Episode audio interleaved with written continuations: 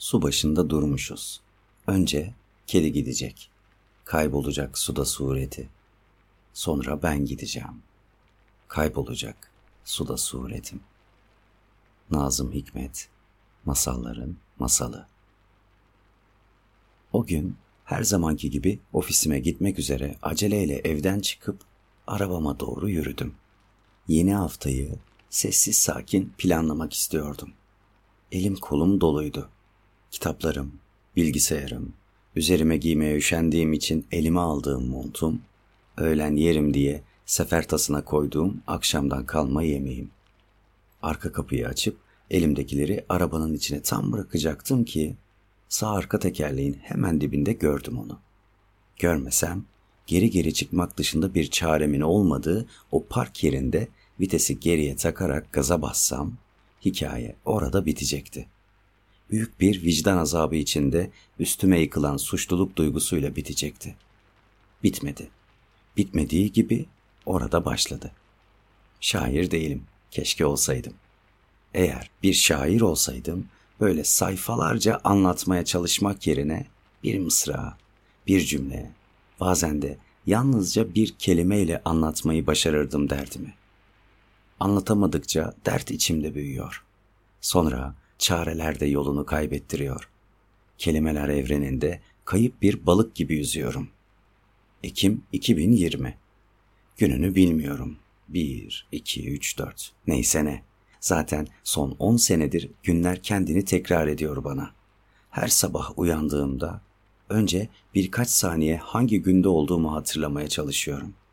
Başımdan çok travmatik bir şey geçtiği için değil. Sadece günler hızlı ve aynı olduğu için. O gün lastiğimin dibinde o hasta kediyi gördüğümden beri kendimle arama bir mesafe girdi. Ona dokunamamak koydu bu mesafeyi. Benim bir kedim var. Kedimin küçücük, yumuşacık suratını avuçlarımın arasına alır, pembe yanaklı bir bebeği öpüyormuşçasına öperim. Burnu ıslaktır. Bazılarınıza bu iğrenç gelse de kedilere ilgisi olanlar bilir. Sağlıklı bir kedinin ilk belirtisidir ıslak burun.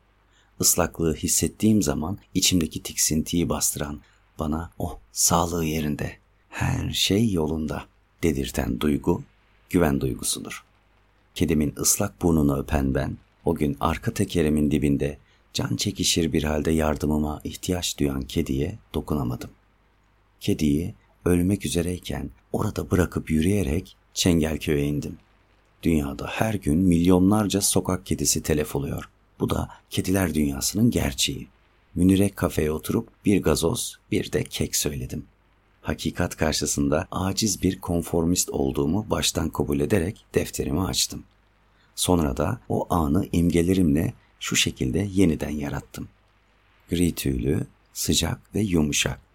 İnsanların şefkatli elleriyle hayat bulacak. Olay akışı bu şekilde gerçekleşseydi, iyilerin ve kötülerin rahatça sınıflanacağı bir dünyada en azından kendi yerimi bilir. İkircikli, çatışmalı, iyilikle kötülük arası saçma bir yerde durmanın verdiği belirsizlikten bin kat daha iyi hissederdim. Yaşam dediğimiz şeyin trajik bir şekilde oralarda akması benim suçum değil herhalde. O gariban kedi bile benden daha şanslı. Böyle içsel sıkıntılarla uğraşmadan tek derdi son nefesini vermek. Hayat kendi ritminde akıyor. Bardaktan boşalan o günkü yağmur gibi. Bu gariban kediyi tutamadığım için orada öylece bırakıp ana yola çıktım. Bir yandan da ne yaparsam en uygun şeyi yapmış olurum diye hızlı düşünüyordum. Elbette zihnimde bir ses git onu kucakla. Ceketinin içine sar. Arabana atladığın gibi veterinere götür diye bana bağırıp duruyordu ama beni engelleyen şeyin ne olduğunu o an düşünüp analiz edecek vaktim yoktu. O kedicik belki de ben bunu düşünürken ölecekti.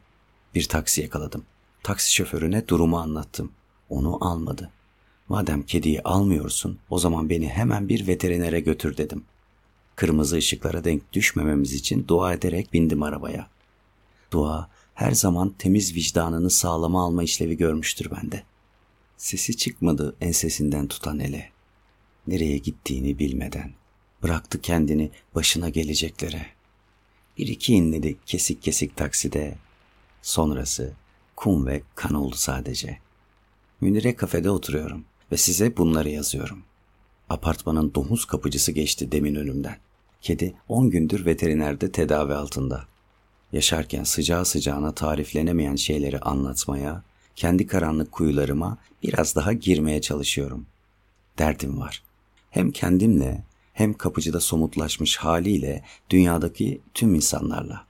İnadına bağırdım 10 metre ötemden geçerken ona. Merhaba, nasılsınız? Uzaktan el salladı ama maskem yüzünden bence tanımadan. Elinde faturalar vardı. Herhalde onları yatırmaya gidiyor.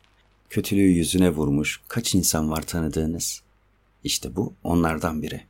O küçük yavru kedi pis lastiğin dibinde yaşam mücadelesi verirken taşımak için bir kutu, tutmak için bir eldiven istedim, vermedi. Pis herif ona dokunmak istemedi. Orada kalsaydı belki de 3 saat içinde kedi ölecekti ve o domuz kapıcı cesedi yerden alıp sırf görevi olduğu için çöp konteynerinin içine atacaktı. Soluk alıp veren bir canlıya görevi olmadığı için elini sürmezken bir cesedi görev olarak çöpe atan kapıcı. Gel de insanı anla. Milletin elektrik, su faturalarını bankada o kuyruğa girip yatırmak da görevi değil ama para için yapıyor. Bir şeyler karalamaya çalıştığım defterimden Münir'in sesiyle kafamı kaldırdım. Çayımı tazelemek için gelmişti. Bardağımı değiştirirken gözünün masadaki defterime kaydığını gördüm. Onu fark ettiğimi anlamış olabilir diye karalıyorum işte bir şeyler dedim gülümseyerek. Defterde domuz kapıcı diye yazdığım yerleri iyice koyu renk hale getirmiş bir de çerçeve içine almıştım. Fark etmiş olmalı. Münire bizim apartmanda oturan dul bir kadın. Bu kafeyi işletiyor.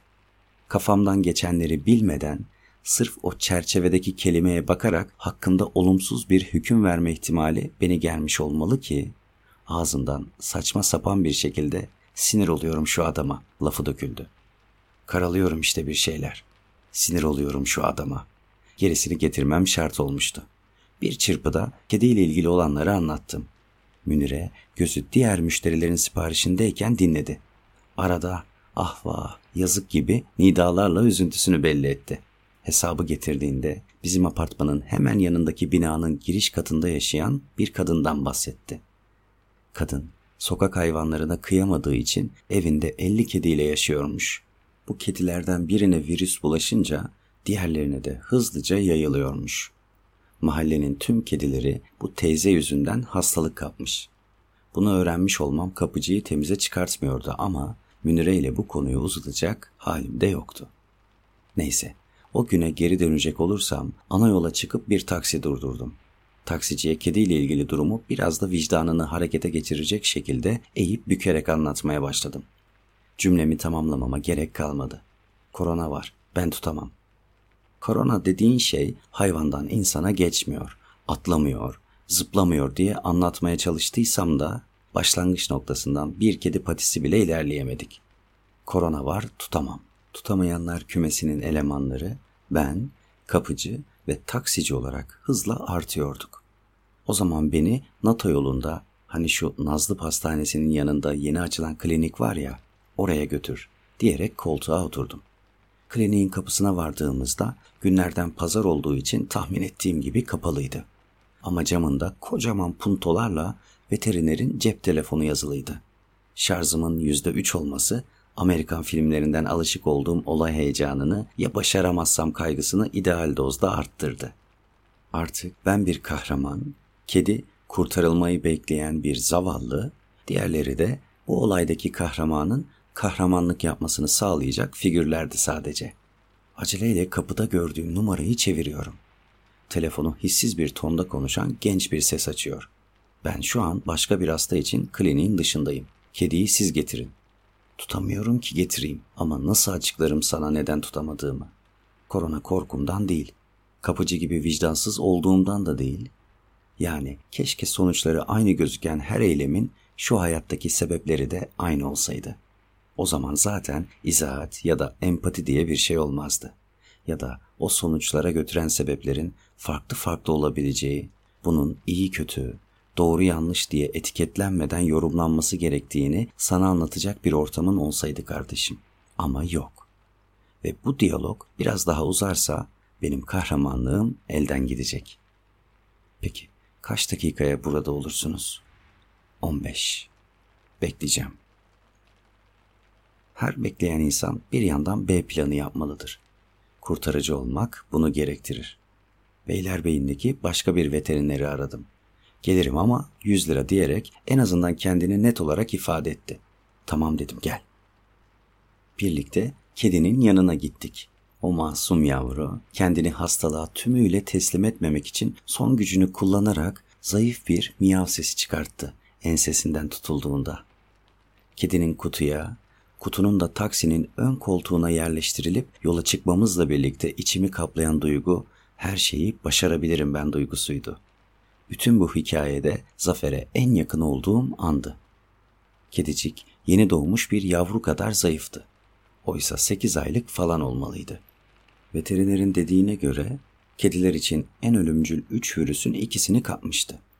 Sokaklarda böyle savunmasız dolaşıp bulduğunu yiyip çoğunlukla da bulamadığı için yemeyip yaşarken sanırım bu iki ölümcül virüsü kapmasına şaşırmamak gerekir. Kliniğe gelince hemen yoğun bakım kabinine kondu. Çok mazlum ve mahzun bir hali vardı. Yüzü öyle yorgundu ki başının ağırlığı bile artık ona yük olmuştu. Başını taşıyamayarak yere koymuş, kafasını koyduğu bu kumun parçaları ağzına bulaşmıştı. Kemikleri derisinin altından belli oluyordu. Yumuşak, gri renk tüyleri bile zayıflığını örtemiyordu. Günlerdir aç kalmış dedi veteriner. Serum takmak için damarını zor bulduk. Bunları duyuyordum duymasına ama içimde iyi olacağına dair taşıdığım ümit, kahraman olma düşlerinin verdiği neşe her şeyi bastırıyordu. Adını ne koysak dedim o sırada. Onun ölmek için benim tekerimi seçmesi, beni seçilmiş insan yapmıştı. Evin içinde tatlı tatlı gezdiğini, her akşam ayak ucumda yattığını hayal etmeye başlamıştım bile. Yaşama şansı çok yüksek değil ama biz elimizden geleni yapacağız cümlesiyle fantezilerimden çıkıp gerçek hayata hızlı bir geçiş yaptım. Solunum yollarını ele geçiren virüsle savaşması için oksijen veriyoruz. Vücudu çok soğumuş. Kabinin içi sıcak. Önce vücut ısısını yükselteceğiz. Serumun içinde ihtiyacı olan vitaminler var. Antibiyotik de ekledik. Dünyevi işlerle ilgili yapılması gereken ne varsa yapılsın diye düşünerek yoğun bakım kutusu dedikleri mikrodalga fırın benzeri makinenin başına gittim. Gözlerini bana çevirdiğinde dayanacağım. Burası sıcak, bu çok güzel. Damarlarımdan yayılan şey içimi ısıttı şimdi diyordu sanki. Hayallerimle birlikte eve döndüm. İçim her türlü olumsuz ihtimale rağmen huzurluydu. İşte bu huzurlu duygusunun etkisindeyken düşünmeye başladım kapıcıyı. Kötü bir bakış vardı gözlerinde o gün. Kediyi yerden kaldırmak yerine yanımdan hızlıca geçip çöpü yüklendiği o gün. Sanki ulan bir kediye bu kadar merhamet yapar, tüm insanlığı onun bedeninde baştan var edersiniz de adımı sorsam kaçınız bilirsiniz der gibi öfkeli bir bakıştı. Gözümün önüne gelen o bakışla birlikte bir zaman makinesine binmiş gibi geriye sardım kapıcıyla olan temas anlarımı. Abi diyordum ona. Abi kelimesinin içinde barındırdığı yakınlığı sesime aktardığımdan emin değilim. Daha çok bir nesneye verilen isim gibi. Oradan bir gazete verir misin abi? Adını bilmiyorum. Adı Haydar olsun. Cümleyi şimdi baştan kurayım. Oradan bir gazete verir misin Haydar abi? Ona doğru bir adım yaklaştım. Sigara içiyor. Gördüm bir iki defa. Üç numaranın market siparişini alırken yaşlı kadın siparişiyle birlikte ona da bir paket sigara alıyor. Bu yüzden üç numarayla arası çok iyi. Bir gün kadın ona sigara almayı bırakırsa bu durum ilişkilerini nasıl etkiler onu bilmiyorum. Onun sigara içtiğini bilmek belki adını öğrenmekten daha fazla bir şey. Bir insan hakkında bir şey bilmek istersek önce adından mı başlamalıyız? Sigara içip içmediğinden mi? Tansiyon ya da şeker hastası olabilir mi? Evli mi acaba? Az tanıyorum. Ne kadar az. Bilmediklerimin yanında adını bilmemek anlamsız kaldı. Bir kahve demledim. Evin içi mis gibi koktu. Ölü organizmaların bulunduğu yere kaynayıp fosilleşmesi gibi gözlerine yerleşen o kötücül bakış ilk ne zaman belirmişti acaba? Onu tanımaya burada başlamak lazım aslında. Bence bu öyle yavaş olmuştu ki kendi bile fark etmemişti. Aynaya baktı elbet. Belki tıraş olurken seyretti kendini.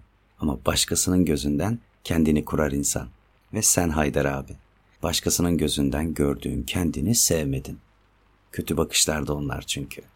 Bu kötü bakışlarla kurduğun kendini gerçek kendin sandın.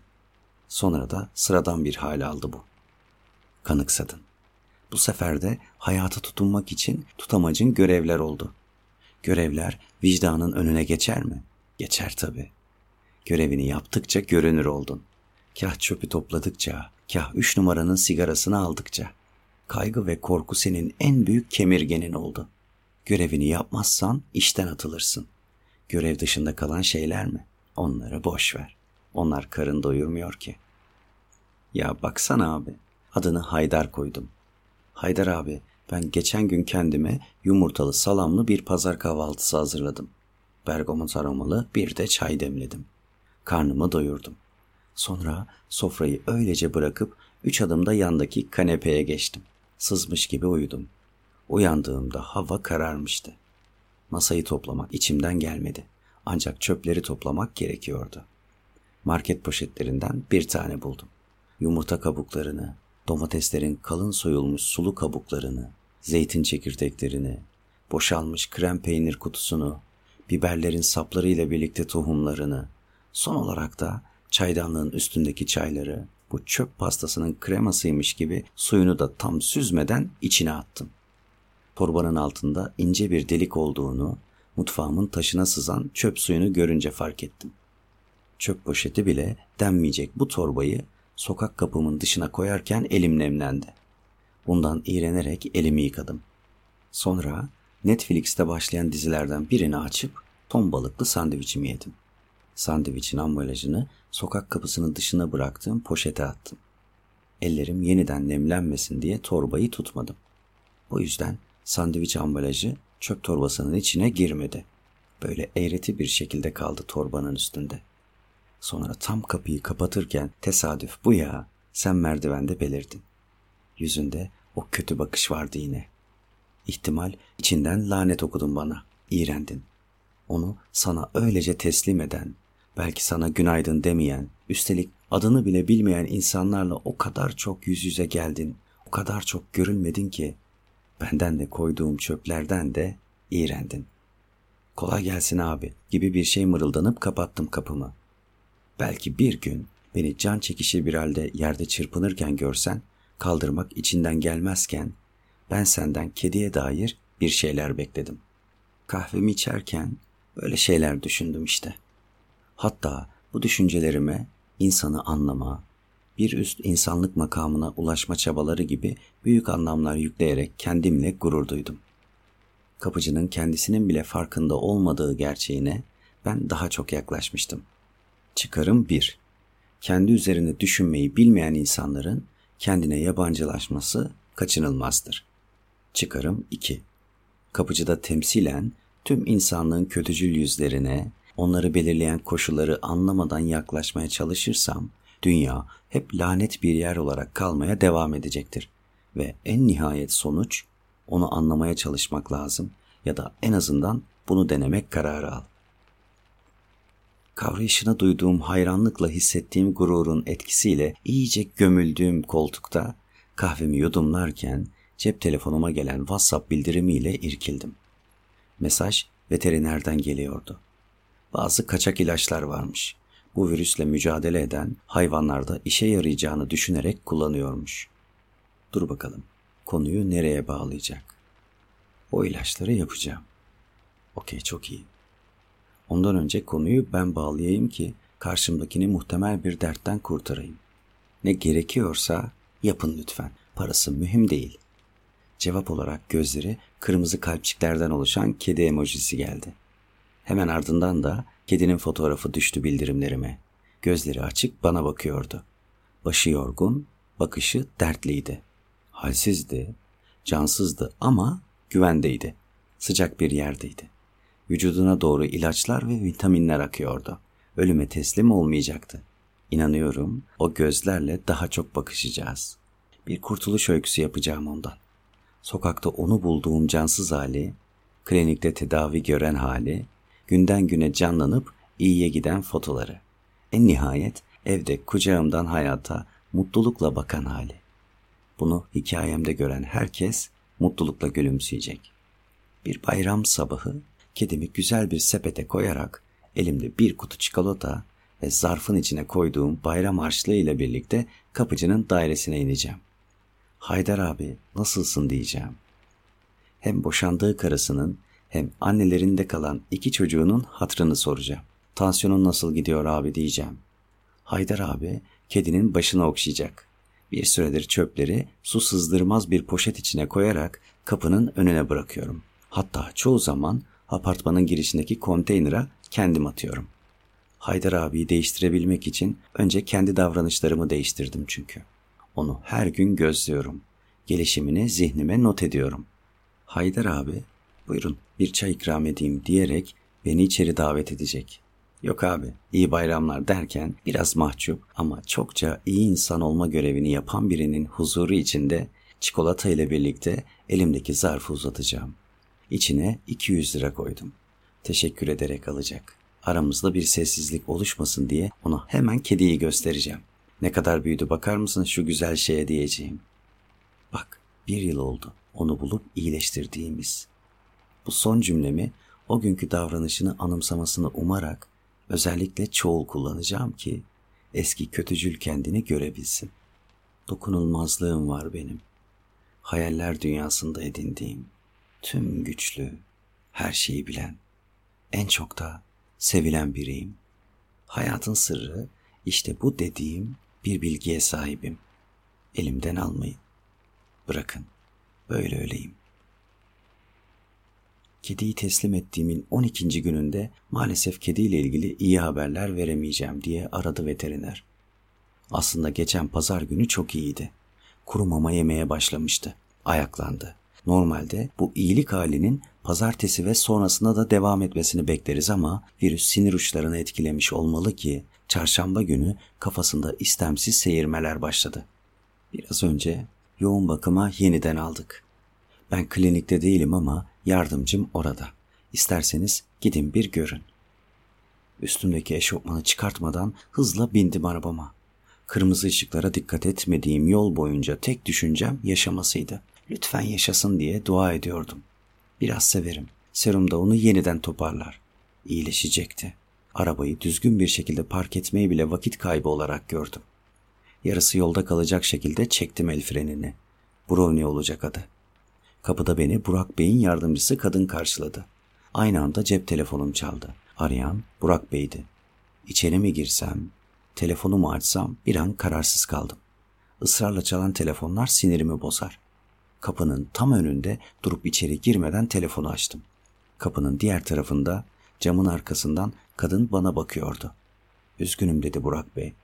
Daha fazla direnemedi. Pes etti. Kulağımda telefon kala kaldım. O an fark ettim kadının elindeki poşeti. Neydi bu poşet? Burak Bey ne diyordu?